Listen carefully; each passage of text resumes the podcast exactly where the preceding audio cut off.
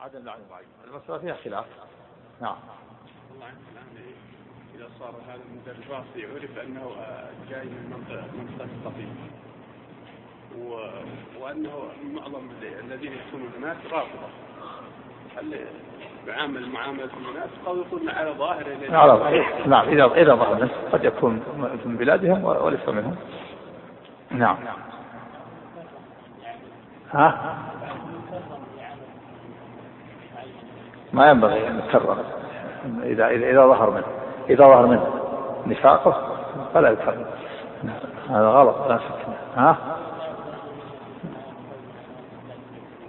هي العدل هذا العدل.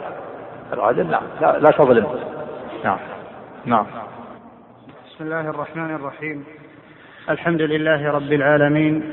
وصلى الله وسلم وبارك على نبينا محمد وعلى آله وصحبه أجمعين.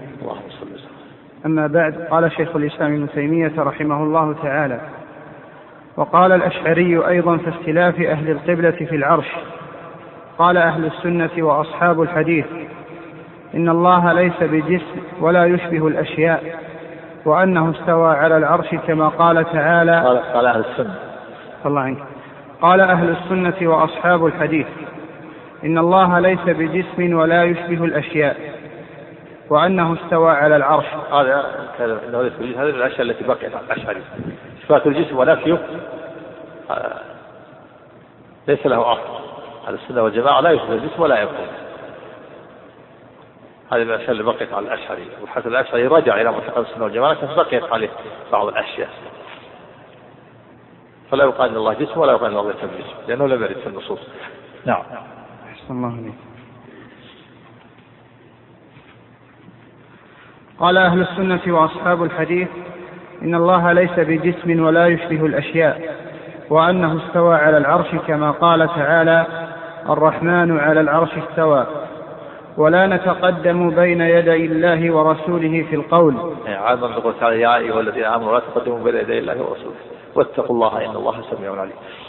نعم.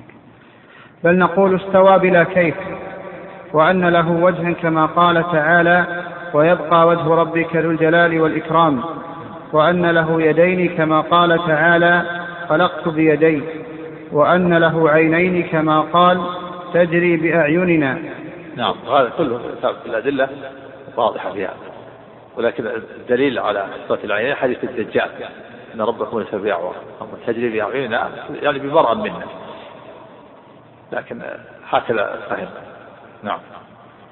الله. عليك. وأنه يجيء يوم القيامة هو وملائكته كما قال تعالى وجاء ربك والملك صفا صفا نعم المجيء نعم. وأنه ينزل إلى السماء الدنيا كما جاء في الحديث. نعم نزول عليكم بجلالة وعظمته لا يكيف ينزل وهو فوق العرش. نزول عليكم بجلالة وعظمته سبحانه. نعم. ولم يقولوا شيئا إلا ما وجدوه في الكتاب وجاءت به الرواية عن رسول الله صلى الله عليه وسلم. الكتاب العزيز. يعني لم يثبتوا شيئا من الصفات والأسماء إلا ما جاء. دل عليه دلت عليه النصوص الكتاب والسنة. نعم. وقالت المعتزلة إن الله استوى على العرش بمعنى استولى وذكر مقالات أخرى. وقال أيضا أبو الحسن الأشعري في كتابه الذي سماه الإبانة في أصول الديانة. وهو من آخر من آخر كتبه بعد ما رجع إلى معتقد السنة والجماعة نعم. وقد ذكر أصحابه أنه آخر كتاب صنفه وعليه يعتمدون في الذب عنه عند من يطعن عليه فقال فصل في إبانة قول أهل الحق والسنة. إبانة يعني في إظهار في إظهار نعم. فإن قال قائل قد أنكرتم قول المعتزلة والقدرية والجهمية والحرورية والرافضة والمرجئة. فعرفونا قولكم الذي به تقولون وديانتكم التي بها تدينون. قيل له قولنا الذي نقول به وديانتنا التي ندين بها. التمسك بكلام ربنا وسنة نبينا وما روي عن الصحابة والتابعين وأئمة الحديث. ونحن بذلك معتصمون. وبما كان يقول أبو عبد الله أحمد بن حنبل نظر الله وجهه. أحمد. الله إليك. وبما كان يقول أبو عبد الله أحمد بن حنبل نظر الله وجهه ورفع درجته وأجزل مثوبته قائلون. ولما خالف قوله مخالفون. لأنه الإمام الفاضل والرئيس الكامل الذي أبان الله به الحق ودفع به الضلالة وأوضح به المنهاج وقمع به بدع المبتدعين وزيغ الزائغين وشك الشاكين. فرحمة هذا يعني قصد الإمام أحمد إمام السنة والجماعة. والرئيس الكامل في مبالغة. الكمال هذا. إنما هذا وصف النبي صلى الله عليه وسلم. هو الرئيس الكامل. يعني الكمال البشري. الكمال البشري. الكمال لله عز وجل. لكن الكمال البشري الرسول أكبر الناس عليه الصلاة والسلام. والإمام أحمد رحمه الله إمام السنة والجماعة. لكن ليس ليس بمعصوم. نعم. الله عنك فرحمة الله عليه من إمام مقدم وجليل معظم وكبير مفهم. مفحم. كبير مفحم. الله عنك فهمه الله. نعم. وجليل معظم وكبير مفهم. وجملة قولنا أنا نقر بالله وملائكته وكتبه ورسله وبما جاءوا به من عند الله وبما رواه الثقات عن رسول الله صلى الله عليه وسلم. لا نرد من ذلك شيئا. وأن الله واحد لا إله إلا هو. فرد صمد. لم يتخذ صاحبة ولا ولدا. فرد من باب ما فرد فرد صمد. هذا طبعا فرد ليس من أسماء الله وإنما من باب الخبر يعني. نعم. ظاهر قوله إطلاقا كأنه من أسماء الله. نعم. الله وأن محمدا عبده ورسوله أرسله بالهدى ودين الحق ليظهره على الدين كله وأن الجنة حق والنار حق وأن الساعة آتية لا ريب فيها وأن الله يبعث من في القبور.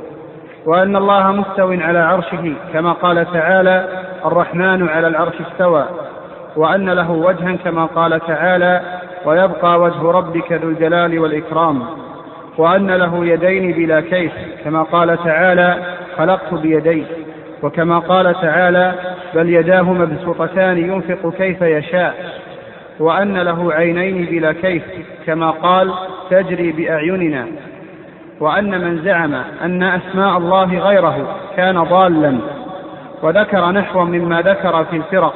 إلى أن أسماء الله منفصلة أو الصفات المنفصلة فالله تعالى بذاته وأسمائه وصفاته هو الخالق وغير مخلوق. نعم.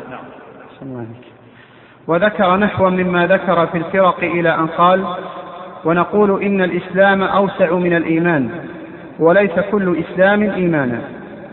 وندين بأن الله يقلب القلوب بين أصبعين من أصل الإسلام أوسع من الإيمان.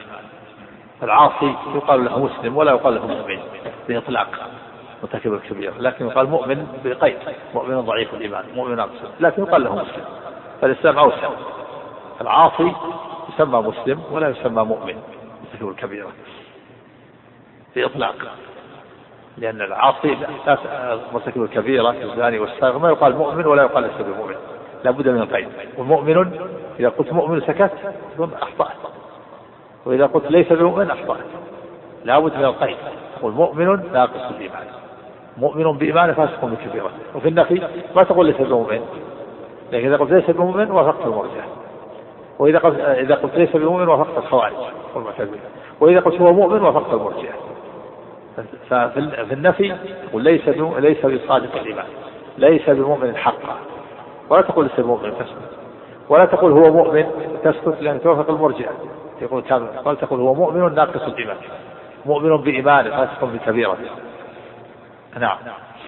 الله ونقول إن الإسلام أوسع من الإيمان وليس كل إسلام العاصي يقال له مسلم. ولكن لا يقال له مؤمن إلا بالقيد تقييد فالإسلام أوسع. أوسع دائرة نعم. الله ونقول إن الإسلام أوسع من الإيمان وليس كل إسلام إيمانا. وندين بأن الله يقلب القلوب.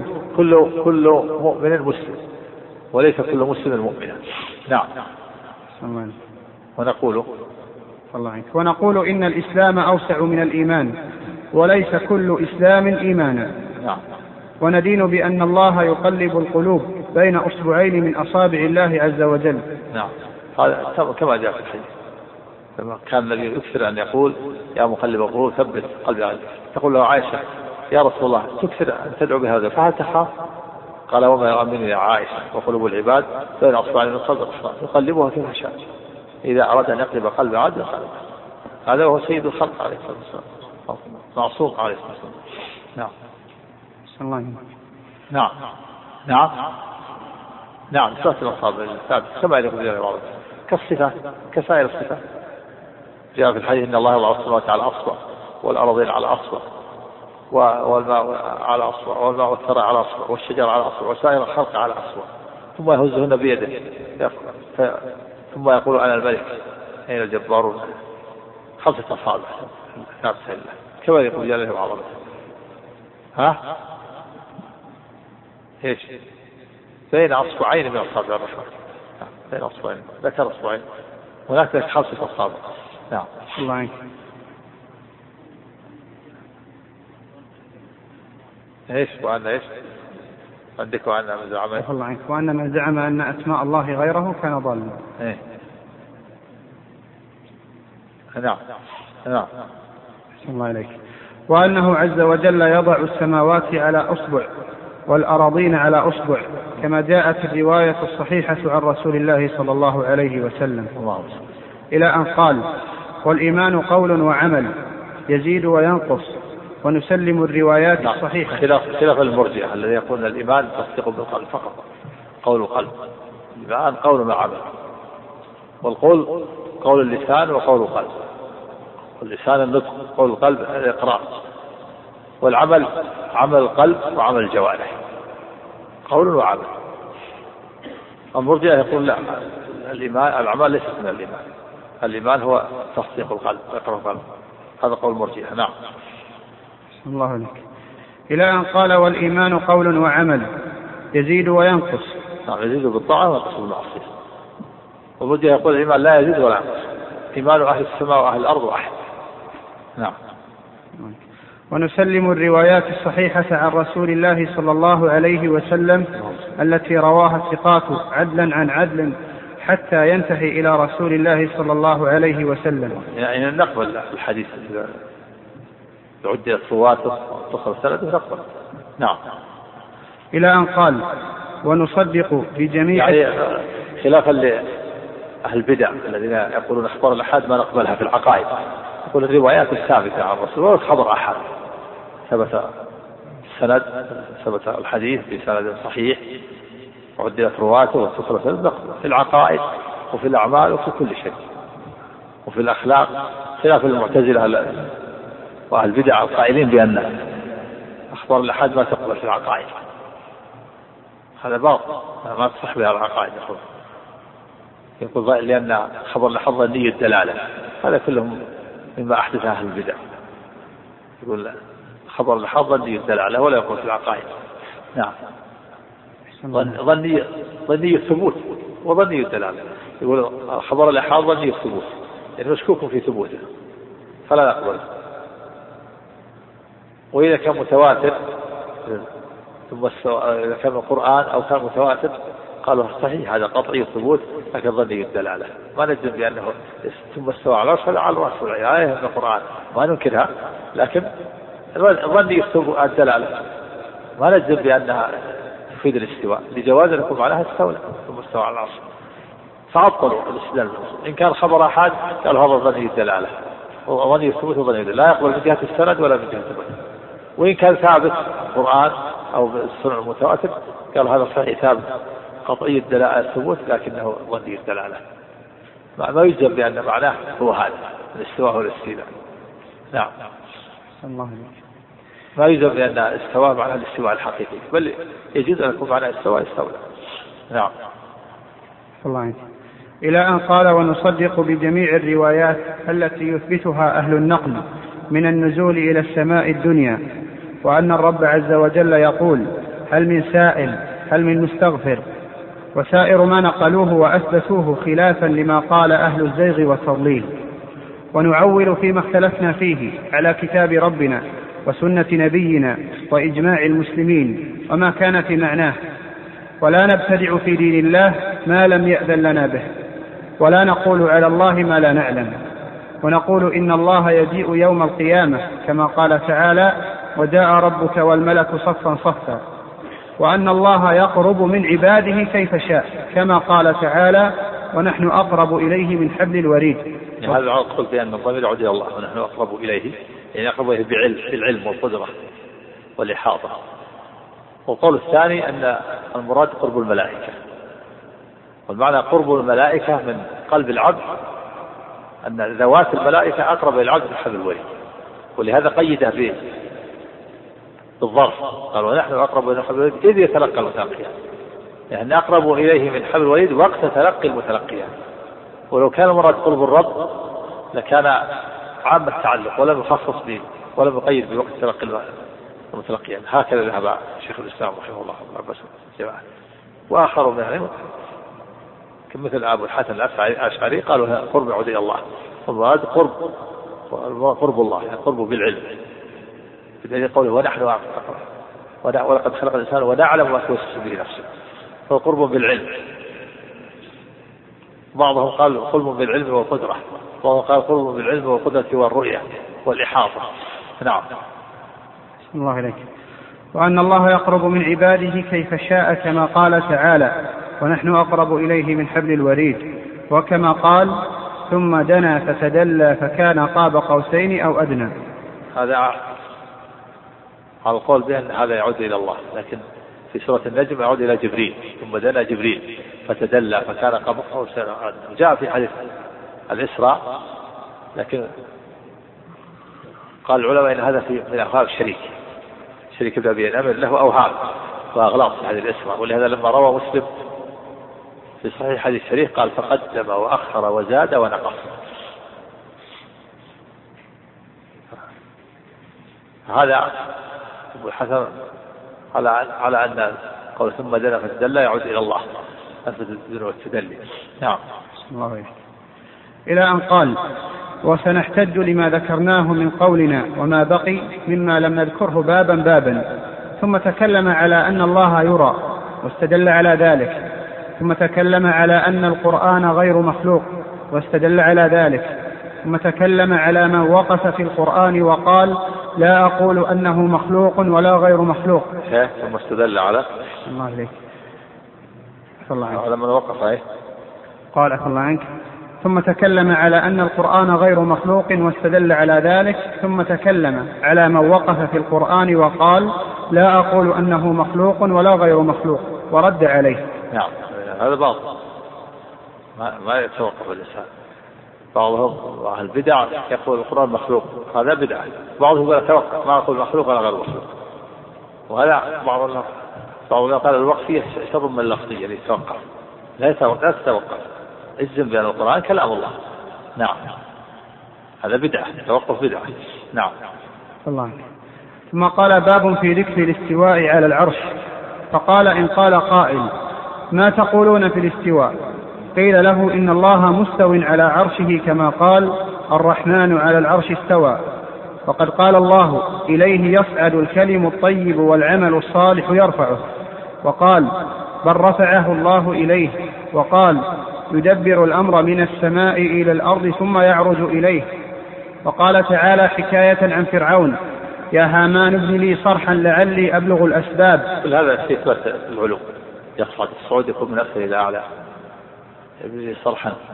فرعون قال ابن لي هامان لأنه لأن موسى أعلم بأن الله في العلو فلهذا أمر وزير هارون أن له صرحا. ليكذب موسى فيما ادعاه بزعمه من أن الله بالعلو وليس المراد أن فرعون نصف العلو. بعضهم يغالط بعض الجهمية يغالط يقول أن فرعون أثبت العلو. ومن أثبت العلو فهو على مدى فرعون. هذا هذا باطل. فرعون منكر أثبت العلو. منكر منكر للرب. يقول لا تبقون على فكيف يثبت العلو؟ نعم.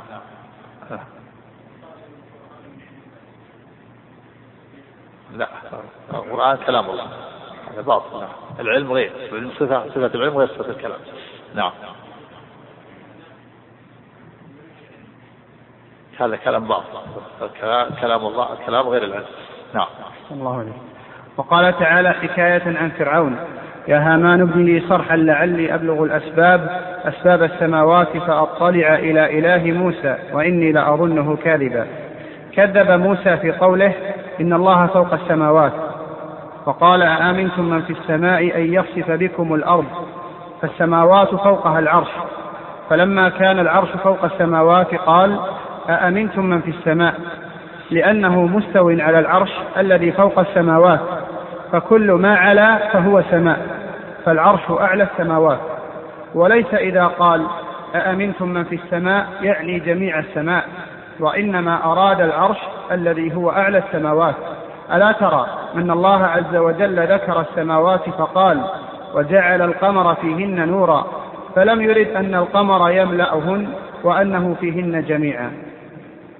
ورأينا المسلمين جميعا يرفعون أيديهم إذا دعوا. يقول آمنتم من في السماء. الله إليك وقال أأمنتم من في السماء أن يخسف؟ طويل كلامه. طويل. وقال آمنتم من في السماء. الله إليك الرحمن الرحيم. الحمد لله رب العالمين. وصلى الله وسلم وبارك على نبينا محمد وعلى آله وصحبه أجمعين. أما بعد اللهم صل فقال شيخ الإسلام ابن تيمية رحمه الله تعالى قال تعالى أأمنتم من في السماء أن يخسف بكم الأرض فالسماوات فوقها العرش. فلما كان العرش فوق السماوات قال أأمنتم من في السماء؟ لأنه مستو على العرش الذي فوق السماوات. هذا قول من هذا؟ طبعا يمكن نقل عن الأشعري إيه، هو قال إيش؟ نعم. وقال تعالى أأمنتم من في السماء أن يخسف بكم الأرض فالسماوات فوقها العرش. فلما كان العرش فوق السماوات قال أأمنتم من في السماء؟ لأنه مستو على العرش الذي فوق السماوات. فكل ما علا فهو سماء. فالعرش أعلى السماوات. وليس إذا قال أأمنتم من في السماء يعني جميع السماء. وإنما أراد العرش الذي هو أعلى السماوات. ألا ترى أن الله عز وجل ذكر السماوات فقال وجعل القمر فيهن نورا. فلم يرد أن القمر يملأهن وأنه فيهن جميعا. ورأينا المسلمين جميعا يرفعون أيديهم إذا دعوا نحو السماء لأن الله على العرش الذي فوق السماوات. إيش؟ ورأينا ورأينا المسلمين جميعا يرفعون أيديهم إذا دعوا نحو السماء لأن الله على العرش الذي فوق السماوات.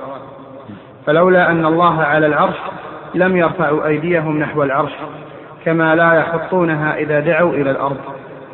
ثم قال فصل. وقد قال قائلون من المعتزلة والجهمية والحرورية إن معنى الحرورية. وقد قال قائلون من المعتزلة والجهمية والحرورية. الخوارج نعم. لأنه سكنوا بلدة حرورة نعم.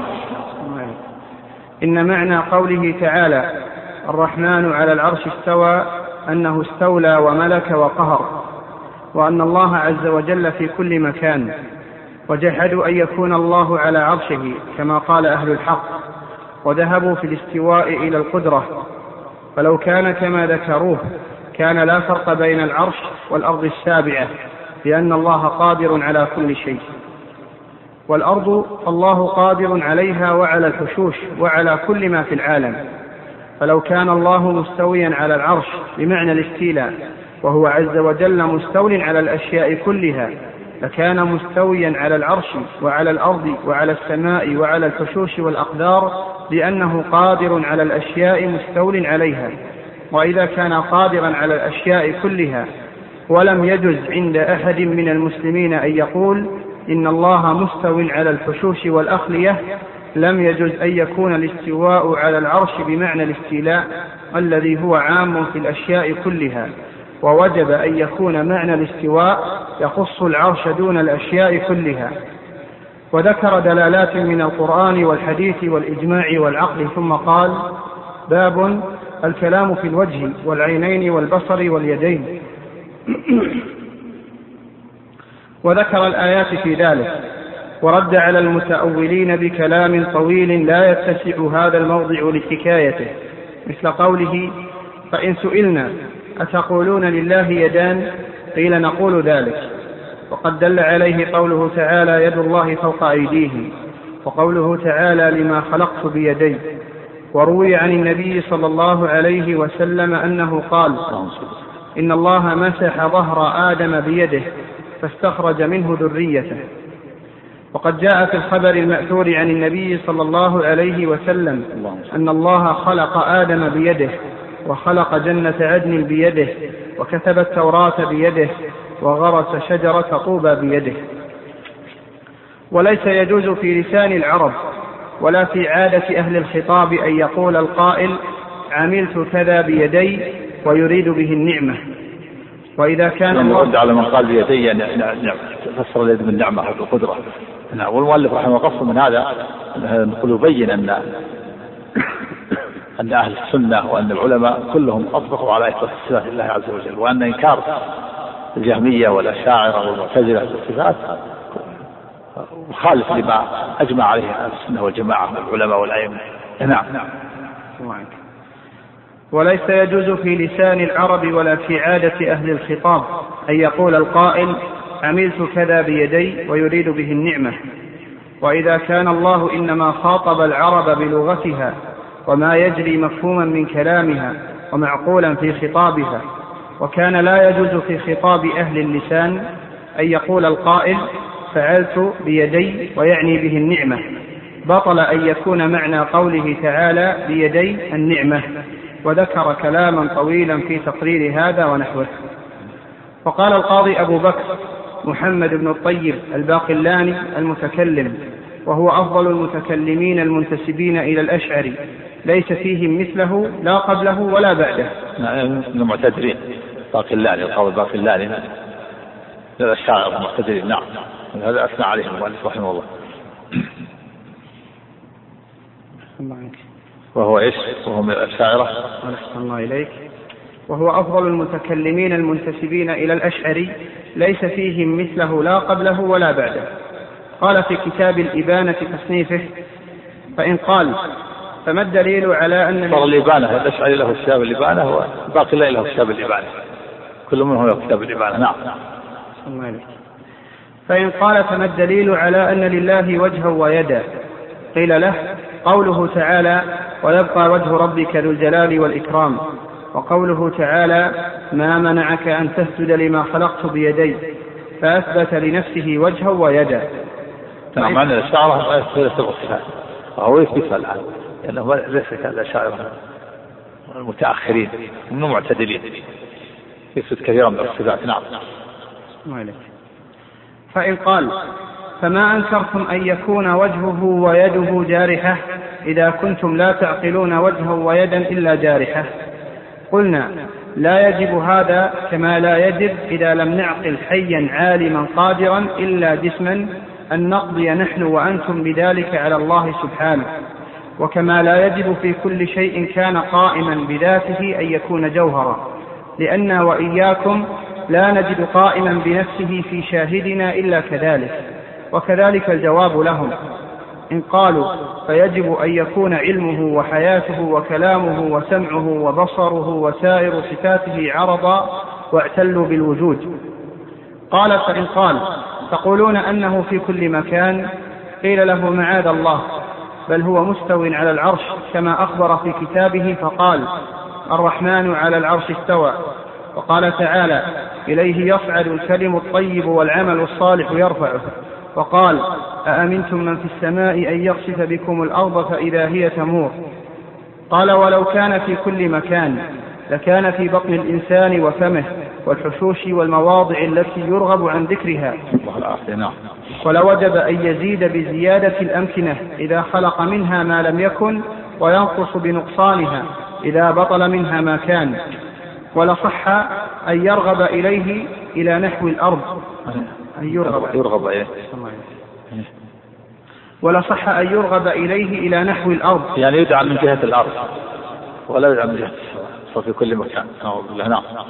الله ولصح أن يرغب إليه إلى نحو الأرض وإلى خلفنا وإلى يميننا وإلى شمالنا. وهذا قد أجمع المسلمون على خلافه وتخطئة قائله. وقال أيضا في هذا الكتاب صفات ذاته التي لم يزل. اللي بعده نعم. نعم. وقال أيضا في هذا الكتاب صفات ذاته التي لم يزل ولا يزال موصوفا بها وهي الحياة والعلم والقدرة والسمع والبصر والكلام والإرادة والبقاء والوجه والعينان واليدان والغضب والرضا. وقال في كتاب التمهيد كلاما أكثر من هذا. تمهيد باقلاني كتاب التمهيد. التمهيد ابن عبد البر وهذا التمهيد القاضي الباقلاني نعم. وقال في كتاب التمهيد كلاما أكثر من هذا لكن ليست النسخة حاضرة عندي. وكلامه وكلام غيره من المتكلمين في هذا الباب. هذا زيد العشاء ينقل حرفيا قال النسخة ليست حاضرة عندي. ولكن نقل من كتبه. المؤلف رحمه الله عنده كتب كثيرة متقدمين ومتأخرين ينقل منها. نعم نعم. وقال في كتاب التمهيد كلاما أكثر من هذا لكن ليست النسخة حاضرة عندي. وكلامه وكلام غيره من المتكلمين في هذا الباب مثل هذا كثير لمن يطلبه.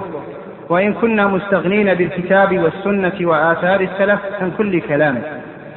وملاك الأمر يعني لكن من باب من باب يعني الرد على على الخصوم بأقوال. أئمتهم وعلمائهم وإلا فالكتاب والسنة وأقوال الصحابة والعلماء كافية يعني. لكن ينقل عن عنهم عن أهل الكلام. لا رد على الأشاعرة هذا القاضي منكم وهذا الأشعري تنتسبون إليه. انظروا كلامه. كله يبطل ما ما تدعونه كالصفات التأويلية نعم. وملاك الأمر. وملاك الأمر أن يهب الله للعبد حكمة وإيمانا بحيث يكون له عقل ودين حتى يفهم ويدين. الله أكبر. لا هذا من كان كذلك تمت النعمة عليه. نهب الله الإنسان عقل ودين صار يعقل ويدين نعم. الله عنك.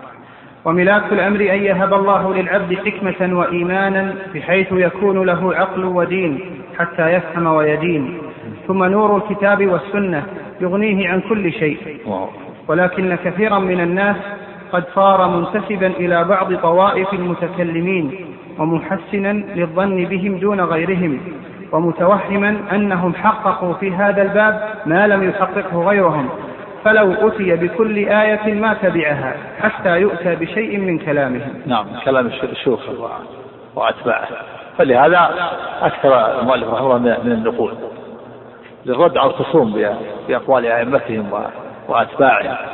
نعم.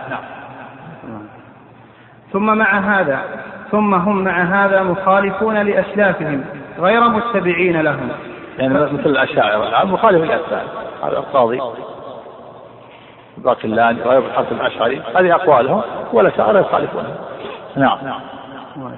ثم. ثم هم مع هذا مخالفون لأسلافهم غير متبعين لهم. فلو أنهم أخذوا بالهدى الذي يجدونه في كلام أسلافهم لرجي لهم مع الصدق في طلب الحق أن يزدادوا هدى. فلو أنهم الله عنك. فلو. ثم هم مع هذا مخالفون لأسلافهم غير متبعين لهم. فلو أنهم أخذوا بالهدى الذي يجدونه في كلام أسلافهم لرجي لهم مع الصدق في طلب الحق أن يزدادوا هدى.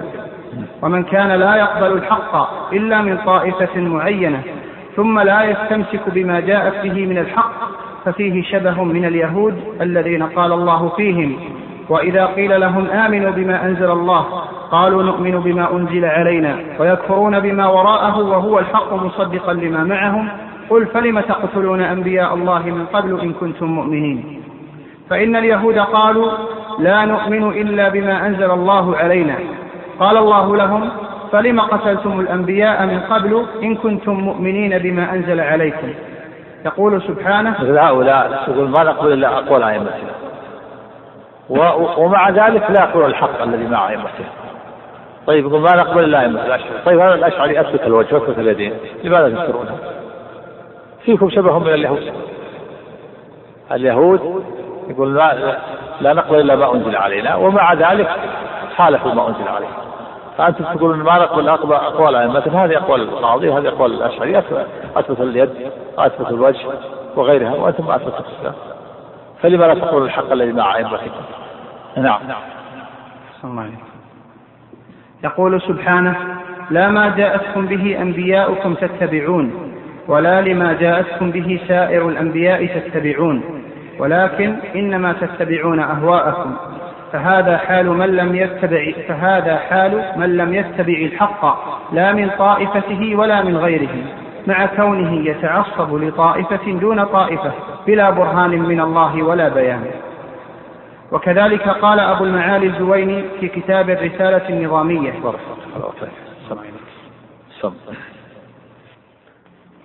بسم الله الرحمن الرحيم الحمد لله رب العالمين صلى الله وسلم وبارك على نبينا محمد اللهم وعلى آله وصحبه وأتباعه بإحسان إلى يوم الدين أما بعد. اللهم صل فقال شيخ الإسلام ابن تيمية رحمه الله تعالى وكذلك قال أبو المعالي الجويني في كتاب الرسالة النظامية اختلفت مسالك العلماء في هذه الظواهر فرأى بعضهم تأويلها والتزم ذلك في آي الكتاب. ظواهر يعني ظواهر النصوص آية الصفات.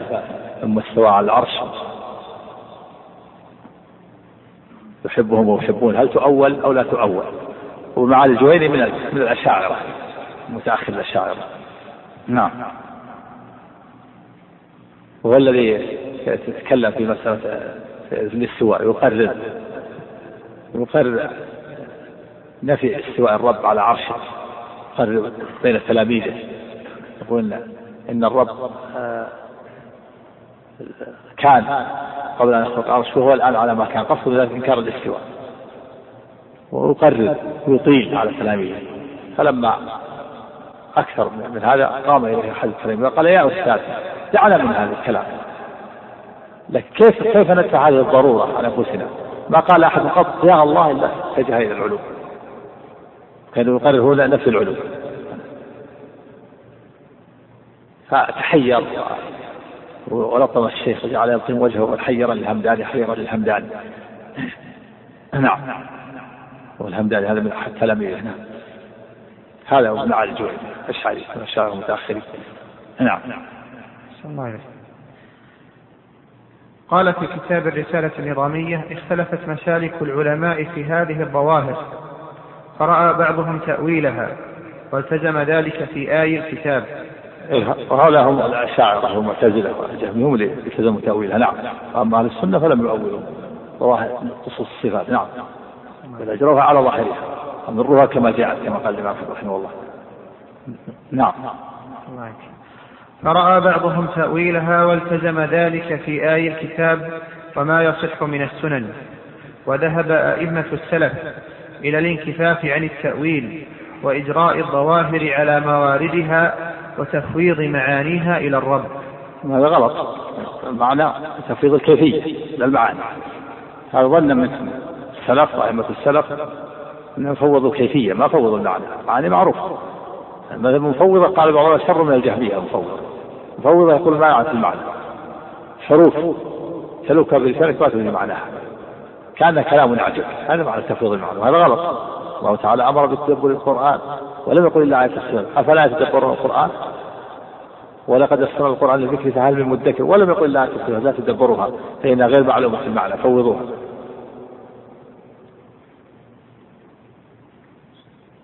كتاب انزل الله إليكم مبارك ليدبروا آياته وليتذكروا أولي هذا هذا ظنا منه أن السلف يفوضون المعنى. مثل ما قال النووي رحمه الله في شرح مسلم يذكر يقول الناس لهم مذهبان. مذهب الخلف تأويله ومذهب السلف تفويض المعنى وهذا غلط. ما ولم يذكر مذهب السنة والجماعة. لا هذا ولا هذا. مو مذهب السنة تفويض المعنى لا تفويض الكيفية. المعنى معلوم كما قال الإمام مالك الاستواء معلوم. معناه في اللغة العربية. والكيف مجهول والإيمان به واجب والسؤال عنه بدعة نعم. إيش وذهب أئمة السلف. الله عنك قال وذهب أئمة السلف إلى الانكفاف عن التأويل وإجراء الظواهر على مواردها وتفويض معانيها إلى الرب. قال والذي نرتضيه رأيا وندين الله به عقدا اتباع سلف الأمة.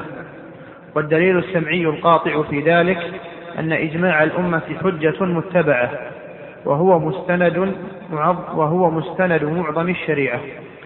وقد درج صحب رسول الله صلى الله عليه وسلم. قال والذي ندين به إيش؟ الله عنك قال والذي نرتضيه رأيا وندين الله به عقدا. عقدا يعني اعتقادا يعني نعتقده نعم. ها؟ عقد الإنسان نعم. والذي نرتضيه رأيا وندين الله به عقدا. اتباع سلف الأمة. والدليل السمعي القاطع في ذلك أن إجماع الأمة حجة متبعة. وهو مستند معظم الشريعة.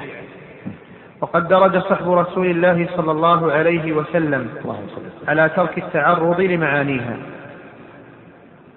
شيخ الإسلام لماذا نقل هذا النص؟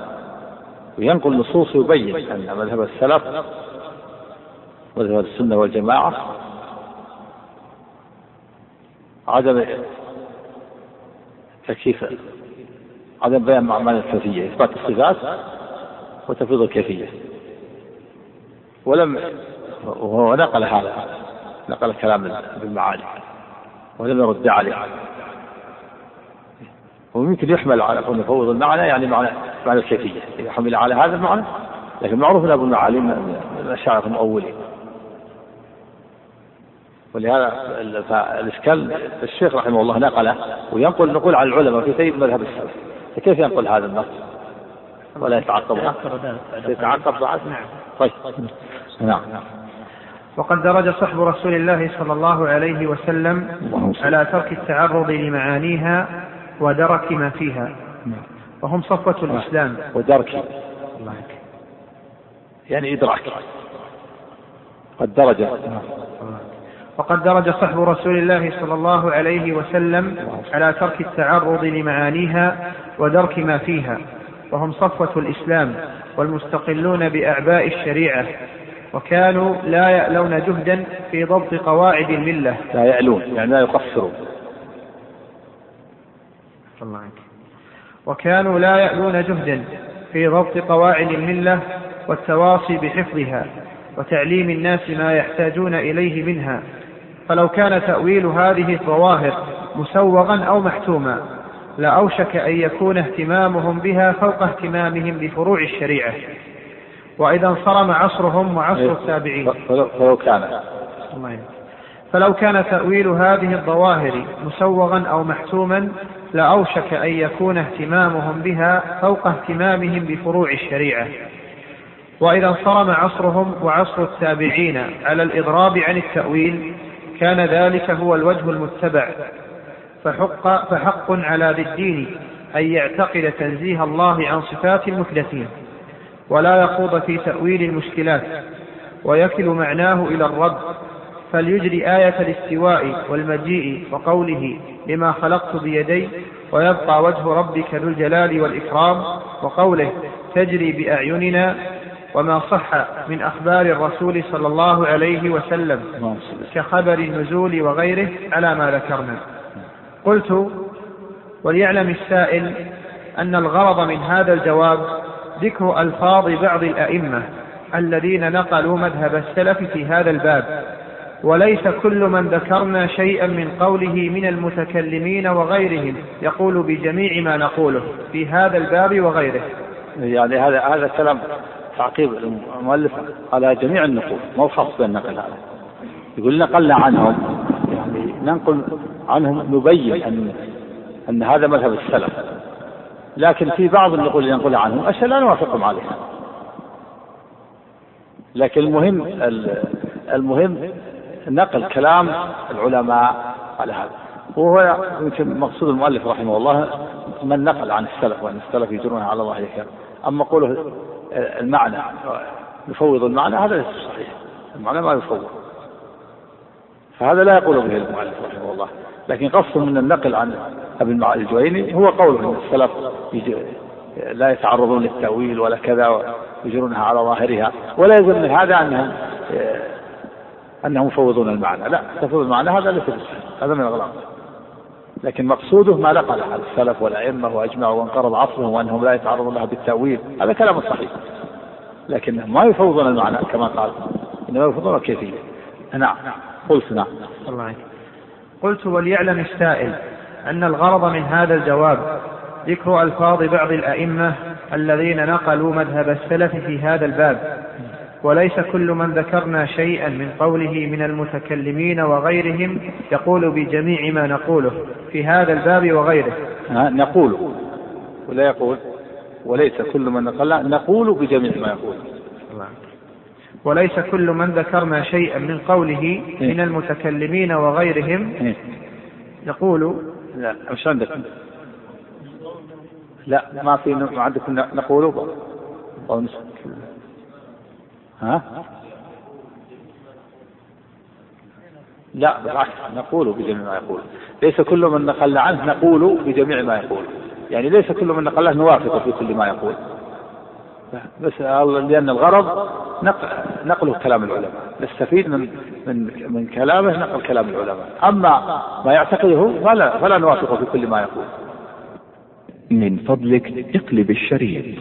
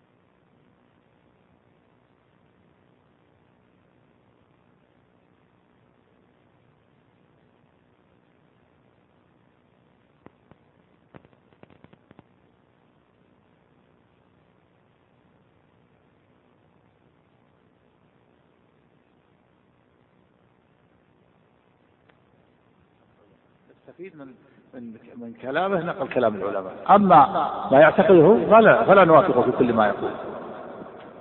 نقول. ما في نسخه عندكم بالنون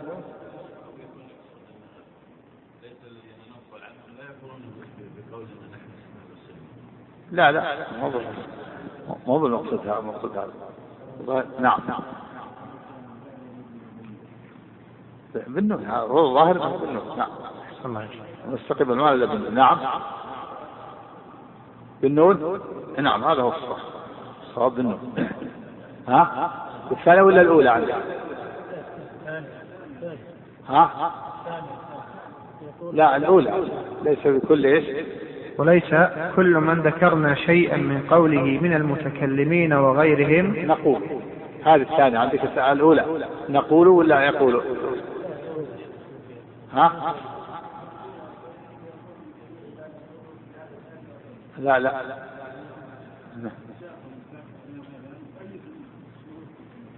نعم كمل. عفى الله عنك. نعم، وليس كل من ذكرنا شيئا من قوله من المتكلمين وغيرهم نقول بجميع ما نقوله في هذا الباب وغيره. نقول بجميع ما يقول. عكس الأولى بالنون والثانية بالياء. نقول بجميع ما يقول. نعم السؤال الله عليك.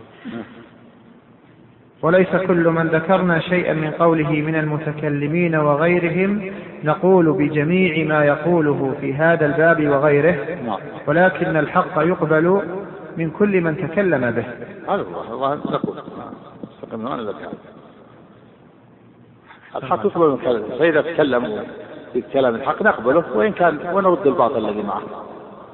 لأن الحق يقبل من جاء به. نعم. إذا تكلم أبو معالي الجويني بكلام الحق نقبله ونرد الباطل الذي معه. نعم. الله عنك كان معاذ بن جبل يقول في كلامه المشهور عنه الذي رواه أبو داود في سننه اقبلوا الحق من كل من جاء به وإن كان كافرا أو قال فاجرا وأحذروا زيغة الحكيم قالوا كيف نعلم أن الكافر يقول الحق؟ قال إن على الحق نورا أو كلاما هذا معناه. تخريجه الله عنك. قال والأثر كما في سنن أبي داود كتاب السنة ثم ذكر عفى الله عنك قصة المجلس. قال باب لزوم السنة عن ابن شهاب أن أبا إدريس الخولاني عائذ الله أخبره أن يزيد ابن عميرة وكان من أصحاب معاذ بن جبل أخبره قال كان لا يجلس مجلسا للذكر حين يجلس إلا قال الله حكم قسط الله حكم قسط هلك المرتابون.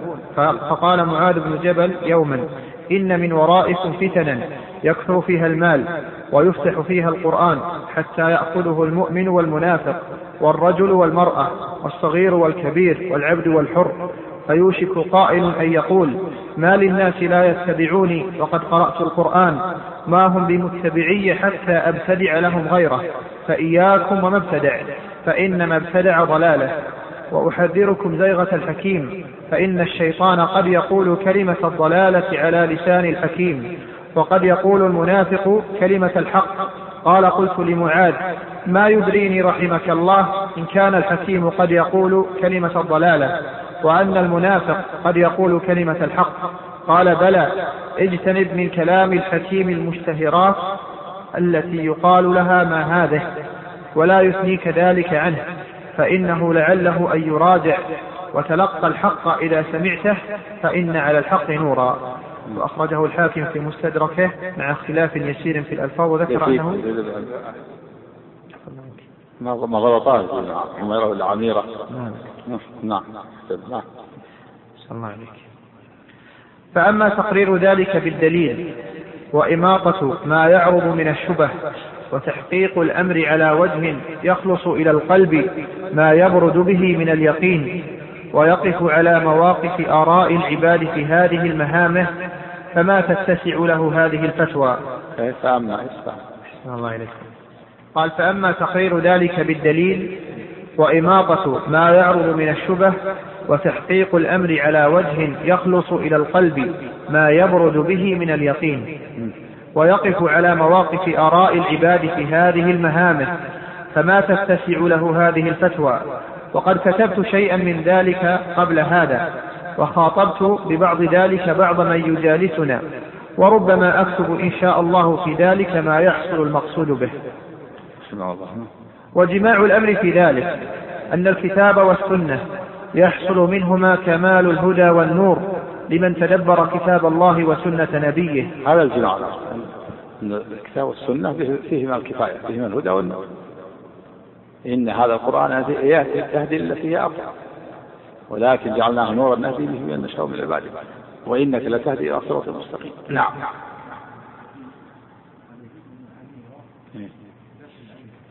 نعم ما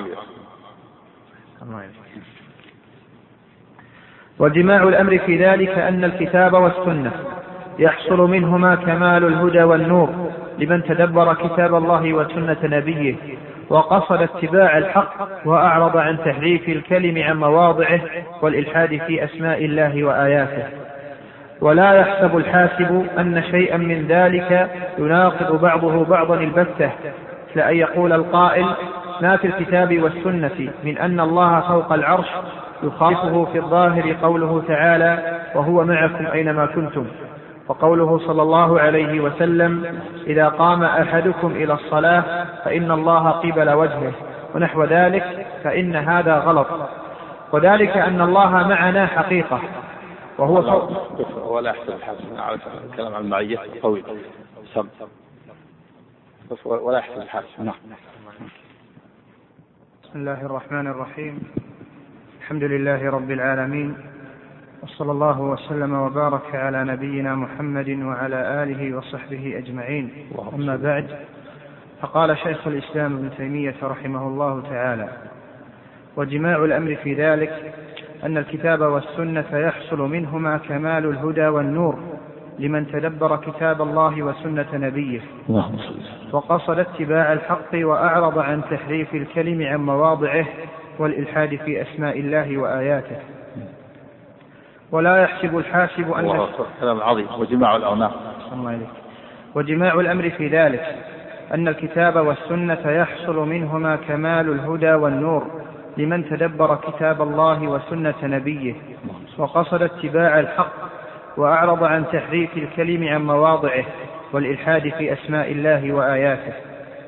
ولا يحسب الحاسب أن شيئا من ذلك يناقض بعضه بعضا البتة مثل أن يقول القائل ما في الكتاب والسنة من أن الله فوق العرش يخالفه في الظاهر قوله تعالى وهو معكم أينما كنتم وقوله صلى الله عليه وسلم إذا قام أحدكم إلى الصلاة فإن الله قبل وجهه ونحو ذلك. آه، فإن الله قبل وجهه وهو فوق العرش. ومن كان فوقك فهو أمامك. كذلك نصوص المعية نصوص العلو والفوقية لا يتنافيان ولا يتناقضان. هو سبحانه وتعالى فوق العرش وهو مع عباده بعلمه وقدرته وإحاطته ومع المؤمنين بنقصه وتأييده فلا منافاة لأن المعية ليس معناها الاختلاط والامتزاج. والمعية لا لا تقتضي المماثلة ولا المحاذاة وإنما هي لمطلق المصاحبة معية معية معناها مصاحبة الله تعالى فوق العرش وهو مع عباده. مع مع عباده علمه وقدرته واطلاعه وإحاطته مع جميع الناس ومع المؤمنين بنصره وتأييده. فلا منافاة. المعية معناها مصاحبة. تقول العرب ما زلنا نسير والقمر معنا معنا. هو فوق ما في اختلاط ولا ارتفاع ولا محاذاة ولا مباشرة نعم. وتقول المتاع معي وإن كان فوق رأسك. نعم. الله عليك ويقال فلان زوجته معه قد تكون في المشرق وهو في المغرب. يقال فلان زوجته معه وقد تكون في المشرق وهو في المغرب. يعني معه يعني في عصمته يعني معي. صاحبة عصمة. ولهذا يقول الأحناف إذا تزوج مشرقي مغربية ولم يصف أنه التقيا ثم أتت بولد بستة أشهر ألحقنا به ألحقناه ألحقنا الولد بأبيه حفظا للنسب للنسب لجواز أن يكون من أهل الخطوة. يعني هذا يكون له كرامة. يعني كيف في المشرق وفي المغرب؟ هذا في وقتهم لكن الآن سهلة. في المشرق وفي المغرب في ساعة يذهب إليها وتذهب إليه لما جاءت مواصلات الحديث. نعم. الله عليكم. وقوله صلى الله عليه وسلم إذا قام أحدكم إلى الصلاة فإن الله قبل وجهه ونحو ذلك فإن هذا غلط. وذلك أن الله معنا حقيقة. يعني يقول بأن بأن هناك منافاة بين العلو والمعية هذا غلط كبير. يعني لا منافاة المعية معناها مصاحبة والله تعالى فوق العرش. نعم.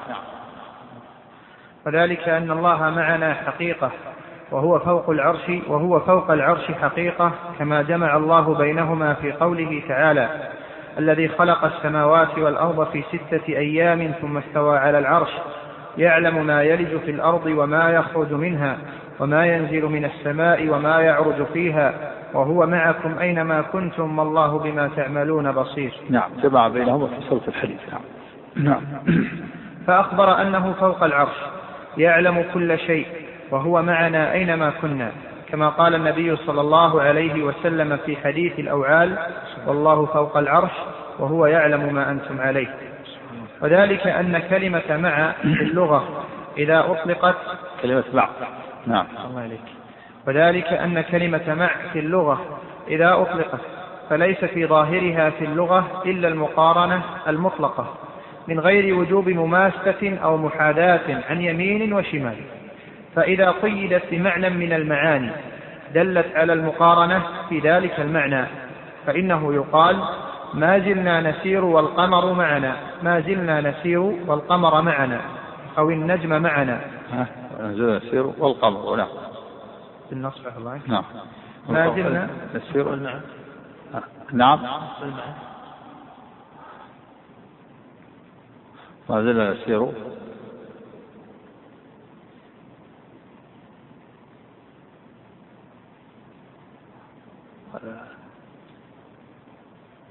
هذه هذه مثلا سار زيد والجبل يعني. الله هنا بالرفع هذه المسير والقبر معنا. نعم. نعم. نعم. عاطفة. نعم. نعم. الله ما زلنا نسير والقمر هذه نعم. نعم. الله ما زلنا نسير والقمر معنا أو النجم معنا ويقال هذا المتاع معي لمجامعته لك وإن كان فوق رأسك. الله مع خلقه حقيقة وهو فوق عرشه حقيقة. نعم. ثم هذه المعية تختلف أحكامها بحسب الموارد فلما قال يعلم ما يلج في الأرض وما يخرج منها وما ينزل من السماء وما يعرج فيها وهذه المعية تختلف بإيش؟ ثم هذه المعية تختلف أحكامها بحسب الموارد نعم. فلما قال يعلم ما يلج في الأرض وما يخرج منها وما ينزل من السماء وما يعرج فيها وهو معكم أينما كنتم دل ظاهر الخطاب على أن حكم هذه المعية ومقتضاها أنه مطلع عليكم شهيد عليكم ومهيمن عليكم ومهيمن عالم بكم. وهذا معنى قول السلف إنه معهم بعلمه. نعم لأنها لأنها ولا يعتبر هذا تأويل. لأن الله نص على نص على العلم قال يعلم ما الذي ثم قال وهو معكم. فدل على معية علم. وكما في سورة المجادلة ألم ترى أن الله يعلم ما في السماوات وما في الأرض؟ ما يكون من نجوى ثلاثة إلا هو رابعهم ولا خمسة إلا هو سادسهم ولا أدنى من ذلك ولا أكثر إلا هو معهم أينما كانوا ثم ينبئهم بما عملوا يوم القيامة إن الله بكل شيء عليم. فافتتح الآية بالعلم وختمها بالعلم دل على معية العلم. ما ما يكون هذا تأويل كما يغالط بعض الناس. نعم. الله عليكم. وهذا معنى قول السلف إنه معهم بعلمه. وهذا ظاهر الخطاب وحقيقته. وكذلك يعني ليس تأويلا بل هذا ظاهر الخطاب وحقيقته معية علم يعلم ما في الأرض وهو معه. نعم. من نفس من نفس الآية. صرنا من نفس الآية. نعم.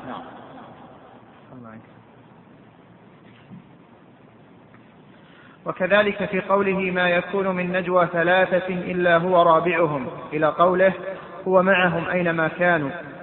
ولما قال النبي صلى الله عليه وسلم لصاحبه في الغار لا تحزن إن الله معنا. كان هذا أيضا حقا على ظاهره ودلت الحال على أن حكم المعية هنا مع الاطلاع النصر والتأييد. لأن المعية خاصة لا تحتاج الله معنا. معية نصر وتأييد وحفظ الكلاءة مع العلم والإحاطة والإطلاع. تجتمعان في المؤمن معية معية العامة ومعية معية معية معية عامة ومعية الإحاطة و والعلم ونفوذ القدرة والمشيئة. هذه عامة للمؤمن والكافر. يقول تعالى وهو معكم أينما كنتم والله بما تعملون بصير. ما يكون من نجوى ثلاثة إلا هو إلا هو ما يكون من نجوى إلا هو ما يكون نجوى إلا هو رابعهم ولا خمسة إلا هو سادسهم ولا أدنى من ذلك ولا أكثر إلا هو معهم معية عامة يستخفون من الناس ولا يستخفون من الله وهو معهم هذه معية عامة تأتي في سياق المحاسبة والمجازات والتخويف. إن الله بكل شيء عليم. أما المعية الخاصة هي خاصة بالمؤمنين المتقين وتأتي في سياق المدح والثناء. لا تحزن إن الله معنا. إن الله مع الذين اتقوا والذين هم محسنون. إن الله مع الصابرين. وتجتمع معيتان في حق المؤمن. فالله تعالى مع المؤمنين بنصره وتأييده وهو معهم بعلمه وإحاطته واطلاعه وتنفرد المعية العامة في حق الكافر نعم.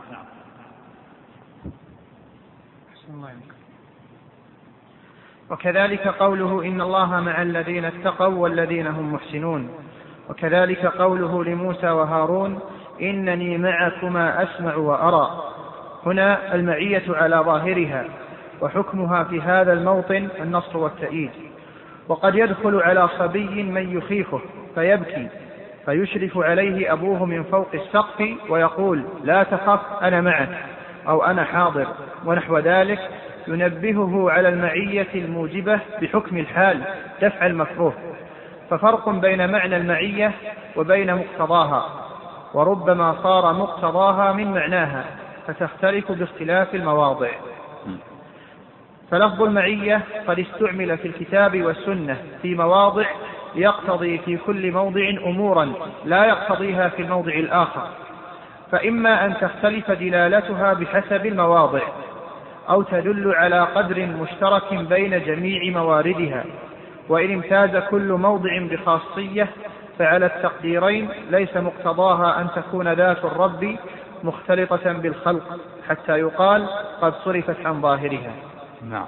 يعني لا تقتضي هذا من الأساس. ما تقتضي الاختلاط ولا الانسجام نعم. وليس من معناها ولا من مدلولها نعم. لكن أهل البدع فهموا فهما معكوسا. فهموا فهم من عند أنفسهم. لا يدل عليه دليل لا من اللغة ولا من الكتاب ولا من السنة ولا من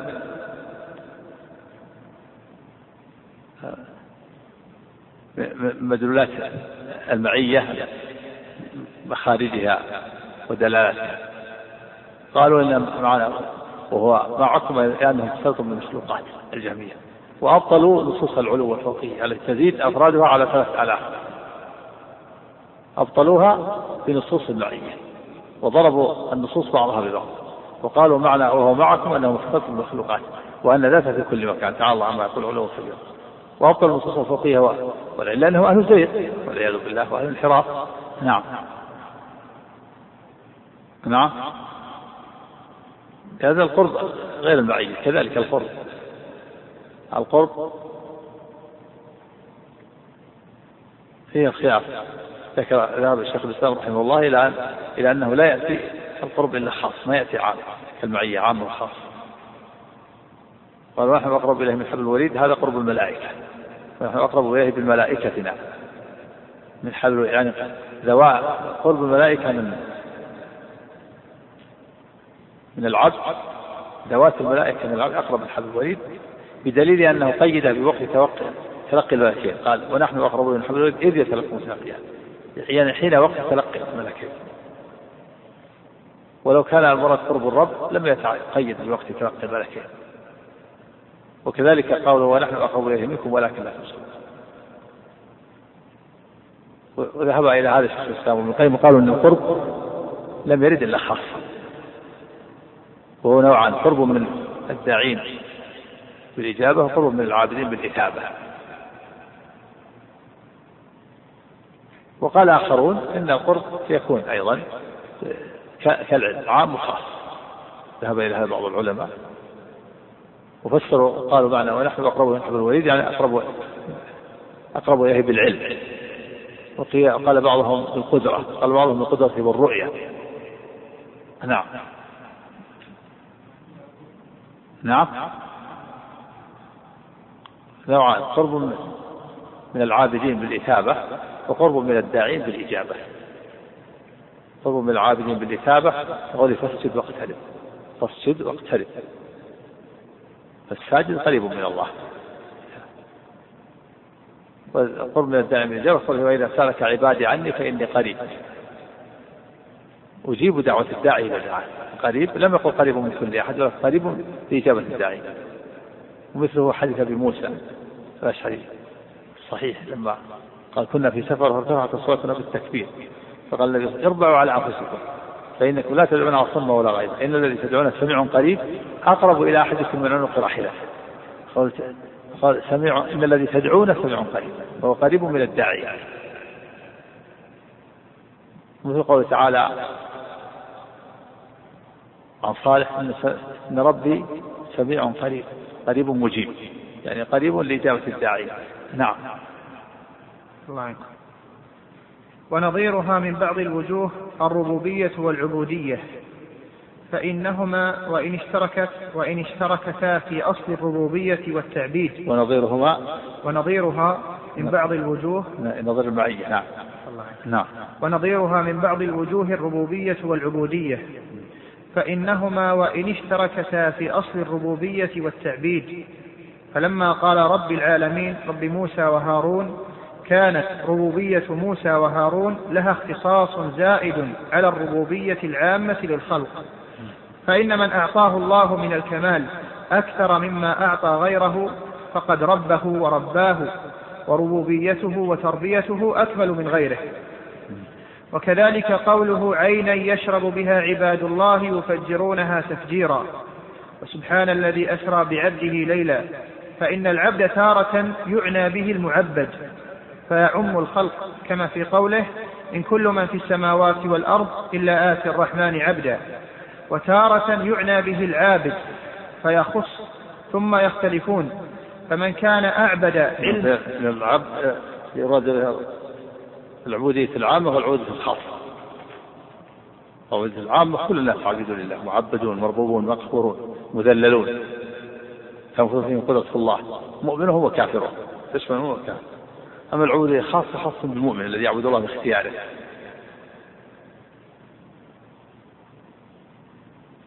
نعم. إيش؟ قال فإن العبد تارة يعنى به المعبد فيعم الخلق كما في قوله إن كل من في السماوات والأرض إلا آتي الرحمن عبدا. وتارة يعنى به العابد فيخص ثم يختلفون. فمن كان أعبد علما وحالا كانت عبوديته أكمل فكانت الإضافة في حقه أكمل مع أنها حقيقة في جميع المواضع. ومثل هذه الألفاظ يسميها بعض الناس مشككة لتشكيك المستمع فيها. أو مشككة. مشككة. مشككة. وهي وهي الاتفاق أن تكون متفقة في المعنى لكن المعنى متفاضل. يكون معنى متفاضل. مثل اتفاق زيد وعمر كل منهما اتفق في يتفقان. في أن كل منهما إنسان. لكن زيد يزيد عن عن عمرو في, في الإنسانية وخواص الإنسانية. لكن يتفقان في أصل المعنى. يتفقان في أصل المعنى.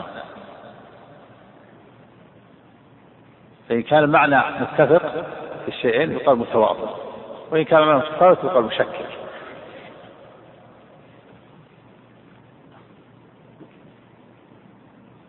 وإن كان المعنى مختلف يقال مشترك. اللفظ مشترك والمعنى مختلف. المشترك والمشكك والمتواضع. المشترك هو أن يتفقا في اللفظ واختلفا في المعنى. مثل العين تطلق على العين الباصرة وتطلق على عين الذهب تطلق على الجاسوس. كلها اللفظ واحد والمعنى مختلف. هذا مشترك. أما إذا كان معنى متفق بينهما. فهذا يكون معنى متفق واللفظ مختلف يسمى مرادف مترادف مثل قام ووقف. اللفظ مختلف والمعنى واحد هذا مترادف مترادف. وإن كان المعنى متفق يقال متواضع وإن كان بين المعنيين تفاوت يقال مشكل. نعم. شو مثل هذا المعنى. أعد قال ومثل هذه الألفاظ يسميها بعض الناس مشككة لتشكيك المستمع فيها. هل هي من قبل الأسماء المتواطئة أو من قبل المشتركة في اللفظ فقط؟ هل هي من قبيل؟ قبيل ومثل هذه الألفاظ إيش؟ ومثل هذه الألفاظ يسميها بعض الناس مشككة نعم. لتشكيك المستمع فيها. هل هي من قبيل الأسماء المتواطئة أو من قبيل المشتركة في اللفظ فقط؟ مشترك نعم. يعني شكك السامع ما أدري هل هي من قبيل الألفاظ المتواطئة المتفقة في المعنى أو من قبيل المتفقة في اللفظ دون المعنى. اسم مشكك نعم. والمحققون يعلمون أنها ليست خارجة عن جنس المتواطئة. نعم. متفقة في المعنى. في الربوبية ربوبية والعبو عبد الله عباد الله. يفجرونها تفسيرا. فالعبودية يتفق فيها المؤمن ولكنه متفاوت فيها. نعم. والمحققون يعلمون أنها ليست خارجة عن جنس المتواطئة إذ واضع اللغة إنما وضع اللفظ بإزاء القدر المشترك. وإن كانت نوعا مختصا من المتواطئة فلا بأس بتخصيصها بلفظ. ومن علم أن المعية تضاف إلى كل نوع من أنواع المخلوقات كإضافة الربوبية مثلا وأن الاستواء على الشيء ليس إلا للعرش وأن الله يوصف بالعلو والفوقية حقيقية ولا يوصف بالسفول ولا بالتحتية قط لا حقيقة ولا مجازا ومن علم. الله إليك. ومن علم أن المعية نعم. تضاف إلى كل نوع من أنواع المخلوقات كإضافة الربوبية مثلا وأن الاستواء على الشيء ليس إلا للعرش وأن الله يوصف بالعلو والفوقية الحقيقية. ولا يوصف بالسفول ولا بالتحتية قط لا حقيقة ولا مجازا علم أن القرآن على ما هو عليه من غير تحريف. ثم من توهم أن كون الله في السماء بمعنى أن السماء تحيط به وتحويه فهو كاذب. إن نقله عن غيره وضال إن اعتقده في ربه. وما سمعنا أحدا يفهمه من اللفظ. ولا رأينا أحدا نقله عن أحد. يعني من توهم قال إن الله في السماء أن الله السماء تظله وتقله فهو إن نقله عن غيره فهو كاذب. وإن اعتقده في ربه فهو اعتقاد باطل. لأن معنى اللغة في السماء في معناها الإضافية يعني في العلو. والله تعالى له أعلى أعلى العلو وهو فوق العرش. وإن ورد بالسماء الطباق المبنية صارت في بمعنى أعلى في بمعنى أعلى. أمنتم أمنتم من في السماء. أمنتم من في السماء. إن ورد بالسماء الطباق المبنية ففي بمعنى أعلى. وإن ورد بفيها الظرفية فالسماء معناها العلو. والأصل فيها الظرفية هذا هو الأصل أصل أن في الظرفية أمنتم من في السماء يعني, يعني من في العلو. والله تعالى له أعلى العلو وهو فوق العرش. نعم. أحسن الله إليك قال رحمه الله ثم من توهم أن كون الله في السماء بمعنى أن السماء تحيط به وتحويه فهو كاذب إن نقله عن غيره وضال إن اعتقده في ربه وما سمعنا أحدا يفهمه من اللفظ ولا رأينا أحدا نقله عن أحد. ولو سئر سائر المسلمين هل تفهمون من قول الله تعالى ورسوله صلى الله عليه وسلم أن الله في السماء أن السماء تحويه؟ لبادر كل أحد منهم إلى أن يقول هذا شيء لعله لم يخطر ببالنا. وإذا كان الأمر هكذا فمن التكلف أن يجعل ظاهر اللفظ شيئا محالا لا يفهمه الناس منه ثم يريد أن يتأوله. بل عند بل عند المسلمين أن الله في السماء وهو على العرش واحد. إذ السماء إنما يراد به العلو فالمعنى أن الله في العلو لا في السفل وقد علم المسلمون أن كرسيه سبحانه. وسع السماوات والأرض وأن الكرسي في العرش كحلقة ملقاة بأرض فلاه وأن العرش خلق من مخلوقات الله لا نسبة له إلى قدرة الله وعظمته. فكيف يتوهم بعد هذا أن خلقا يحصره ويحويه؟ وقد قال سبحانه ولأصلبنكم في جذوع النخل وقال تعالى فسيروا في الأرض بمعنى على ونحو ذلك. في جذوع النخل. أي عالي ويقال فلان في السطح وإن كان على أعلى شيء. نعم. وهو كلام عربي حقيقة لا مجازا وهذا يعلمه من عرف حقائق معاني الحروف وأنها متواطئة في الغالب لا مشتركة. نعم حروف يعني متفقة في أصل المعنى وإن كان المعنى متفاوت. نعم. وكذلك قول النبي صلى الله عليه وسلم إذا قام أحدكم إلى الصلاة فإن الله قبل وجهه فلا يبصق قبل وجهه. الحديث حق على ظاهره وهو سبحانه فوق العرش وهو قبل وجه المصلي بل هذا الوصف يثبت للمخلوقات فإن الإنسان لو أنه ينادي السماء وينادي الشمس والقمر لكانت السماء والشمس والقمر فوقه وكانت أيضا قبل وجهه.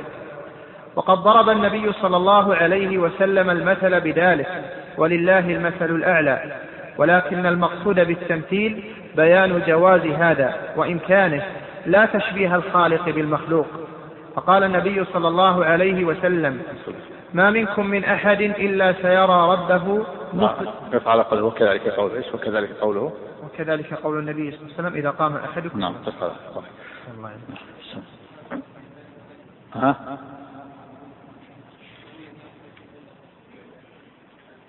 كم كم صف؟ تقريبا سبعة. أسطر ها؟ سبعة. أسطر ها؟ إيه. الحموية الحموية سبعة.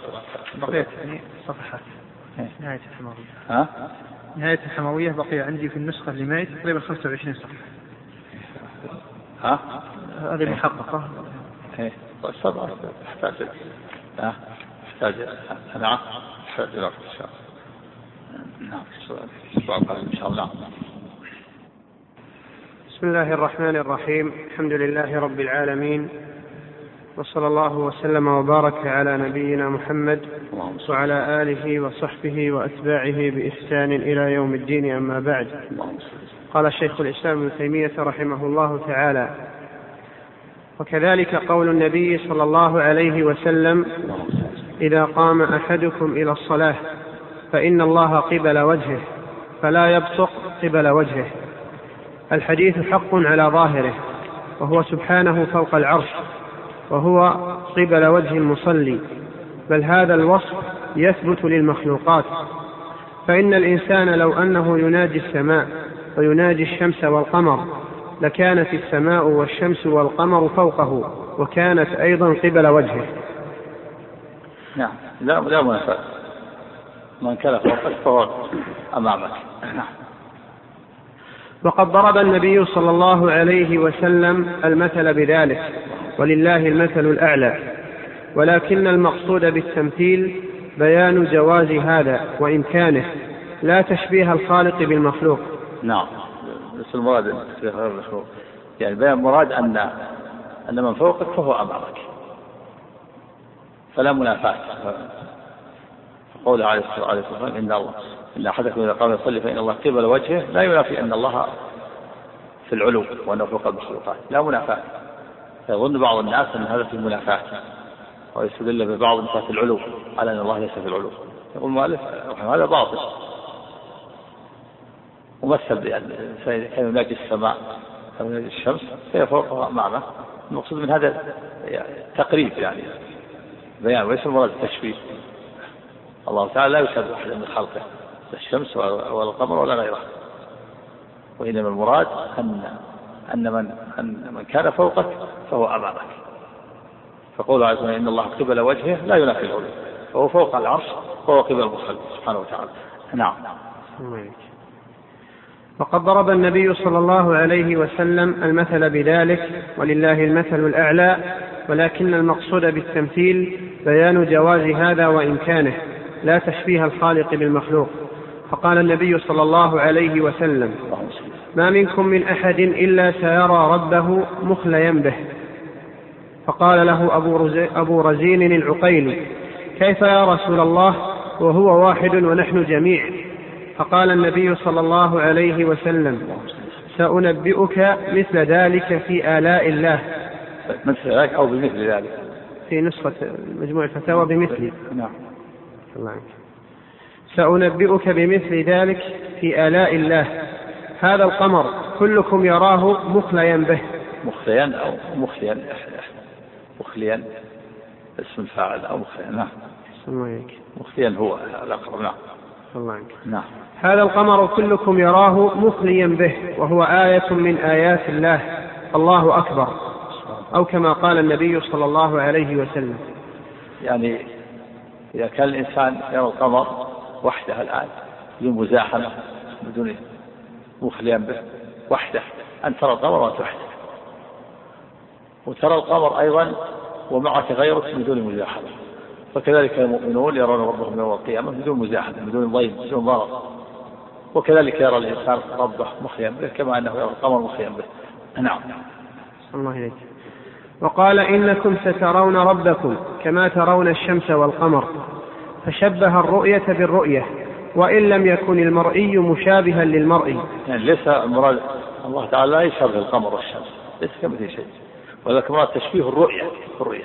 يعني كما أن الإنسان في الدنيا يرى الشمس والقمر من فوق رؤية واضحة فكذلك يرى الله يوم القيامة من فوق رؤية واضحة هذا المراد. وتشبيه الرؤية بالرؤية ليس المراد تشبيه المرئي بالمرئي ليس المراد تشبيه الله بالشمس والقمر. تعالى الله. الله لا يمثل أحدا من خلقه. ليس كمثله شيء. لكن المراد تشبيه الرؤية بالرؤية الرؤية هذه رؤية واضحة وهذه رؤية واضحة. نعم. الله عنك. فشبه الرؤية بالرؤية وإن لم يكن المرئي مشابها للمرئي. فالمؤمنون إذا رأوا ربهم يوم القيامة وناجوه كل يراه فوقه قبل وجهه كما يرى الشمس والقمر ولا منافاة أصلا. فالمؤمنون فالمؤمنون إذا رأوا ربهم يوم القيامة وناجوه كل يراه فوقه قبل وجهه كما يرى الشمس والقمر ولا منافاة أصلا. ومن كان له نصيب من المعرفة بالله والرسوخ في العلم بالله يكون إقراره بالكتاب والسنة على ما هما عليه أوكد ومن كان ومن كان له نصيب من المعرفة بالله والرسوخ في العلم بالله يكون إقراره بالكتاب والسنة على ما هما عليه أوكد نعم. واعلم أن من المتأخرين من يقول مذهب السلف إقرارها على ما جاءت به مع اعتقاد أن ظاهرها غير مراد. وهذا كلام مجمل. هذا كلام مجمل. يحتمل الحق يحتمل الباطل. إيش؟ وأعلم. واعلم أن من المتأخرين من يقول مذهب السلف إقرارها على ما جاءت به مع اعتقاد أن ظاهرها غير مراد. وهذا لفظ مجمل. فإن قوله ظاهرها غير مراد يحتمل أنه أراد بالظاهر نعوت المخلوقين وصفات المحدثين مثل أن يراد مثل أن يراد بكون الله قبل وجه المصلي أنه مستقر في الحائط الذي يصلي إليه. نعم هذا غير مراد هذا باطل. هذا باطل إن كان أراد هذا الاحتمال هذا باطل. ليس المراد هذا أن الله في الجدار مستقر في الجدار هذا إذا إذا فهم أن هذا هو الظاهر فهذا باطل. فليس هذا مراد. نعم. يحتمل يحتمل أنه أراد بالظاهر نعوت المخلوقين وصفات المحدثين مثل أن يراد بكون الله قبل وجه المصلي أنه مستقر في الحائط الذي يصلي إليه وأن الله معنا ظاهره أنه إلى جانبنا ونحو ذلك فلا شك أن هذا غير مراد. ومن قال إن مذهب السلف أن هذا غير مراد فقد أصاب في المعنى لكن أخطأ في إطلاق القول بأن هذا ظاهر الآيات والأحاديث. فإن هذا هو المحال ليس هو الأظهر. على ما قد بيناه في غير هذا الموضع اللهم إلا أن يكون هذا المعنى الممتنع. صار يظهر لبعض الناس فيكون القائل لذلك مصيبا بهذا الاعتبار معذورا في هذا الإطلاق. من أجل هؤلاء الناس الذين يظنون أن هذا هو الظاهر. صار معذور صار يتكلم عند جماعة يظنون أن ظاهر النصوص ظاهر أن الله في الحائط يقول هذا الظاهر غير مراد يعني هذا الظاهر اللي تفهمون أنتم غير مراد وإن كان هذا ليس هو الظاهر من النصوص لكن هم فهموا هذا الفهم الخاطئ. فلما فهموا فهم الخاطئ قال لهم إنه ظاهر غير مراد يكون معذور في هذه الحالة. نعم. فإن الظهور والبطون قد يختلف باختلاف أحوال الناس وهو من الأمور النسبية وكان أحسن من هذا أن يبين لمن اعتقد أن هذا هو الظاهر أن هذا ليس هو الظاهر نعم. وكان أحسن من هذا وكان أحسن من هذا نعم. أن يبين لمن اعتقد أن هذا هو الظاهر أن هذا ليس هو الظاهر حتى يكون قد أعطى كلام الله وكلام رسوله صلى الله عليه وسلم حقه لفظا ومعنى. وإن كان الناقل عن السلف أراد بقوله الظاهر غير مراد عندهم أن المعاني التي ظهرت من هذه الآيات والأحاديث مما يليق بجلال الله وعظمته لا يختص بصفة المخلوقين. إن كان وإن كان الظاهر وإن كان الناقل عن السلف أراد بقوله الظاهر غير مراد عندهم أن المعاني التي ظهرت من هذه الآيات والأحاديث مما يليق بجلال الله وعظمته لا يختص بصفة المخلوقين بل هي واجبة لله أو جائزة عليه جوازا ذهنيا أو جوازا خارجيا. غير مراد فقد أخطأ فيما نقله عن السلف أو تعمد الكذب فما يمكن أحد قط أن ينقل عن واحد من السلف ما يدل لا نصا ولا ظاهرا أنهم كانوا يعتقدون أن الله ليس فوق العرش ولا أن الله ليس له سمع وبصر ويد حقيقة. وإن كان الناقل عن السلف أراد بقوله الظاهر غير مراد عندهم. كذب فما يمكن أحد قط أن ينقل عن واحد من السلف ما يدل لا نصا ولا ظاهرا أنهم كانوا يعتقدون أن الله ليس فوق العرش ولا أن الله ليس له سمع وبصر ويد حقيقة. نعم. يعني إذا كان المراد أن يقول الظاهر وغير مراد الظاهر الذي يقول بجلال الله وعظمته وأنه فوق العرش وأنه لا يماثل المخلوقين فقوله هنا ظاهر وغير مراد هذا حق هذا باطل بل ظاهرها مراد. وهذا الظاهر هو المراد. مراد أن الله سبحانه وتعالى متصف بالصفات بالصفات التي تليق بجلاله وعظمته لا يماثل أحدا من المخلوقات وهو فوق العرش حقيقة وهو مع عباده حقيقة. وليس المراد الاختلاط بالمخلوقات. وليس المراد بفوقيته واستواء العرش مماثلة المخلوقين وإنما ما يليق بجلال الله وعظمته. فهذا مراد. فقول ظاهر وغير مراد باطل نعم. وقد رأيت هذا المعنى ينحله بعض من يحكيه عن السلف ويقول إن طريقة أهل التأويل هي في الحقيقة طريقة السلف بمعنى أن الفريقين اتفقوا على أن هذه الآيات والأحاديث لم تدل على صفات الله سبحانه ولكن السلف أمسكوا عن تأويلها والمتأخرون رأوا المصلحة تأويلها لمسيس الحاجة إلى ذلك. ويقول الفرق بين الطريقين أن هؤلاء يعينون المراد بالتأويل وأولئك لا يعينون لجواز أن يراد غيره. يعني يفوضون. يعني الأول مذهب المفوضة والثاني مذهب المؤولة ما تبقى من مادة هذا الشريط تتابعونها في الشريط التالي. مع تحيات إخوانكم في تسجيلات الراية الإسلامية بالرياض والسلام عليكم ورحمة الله وبركاته.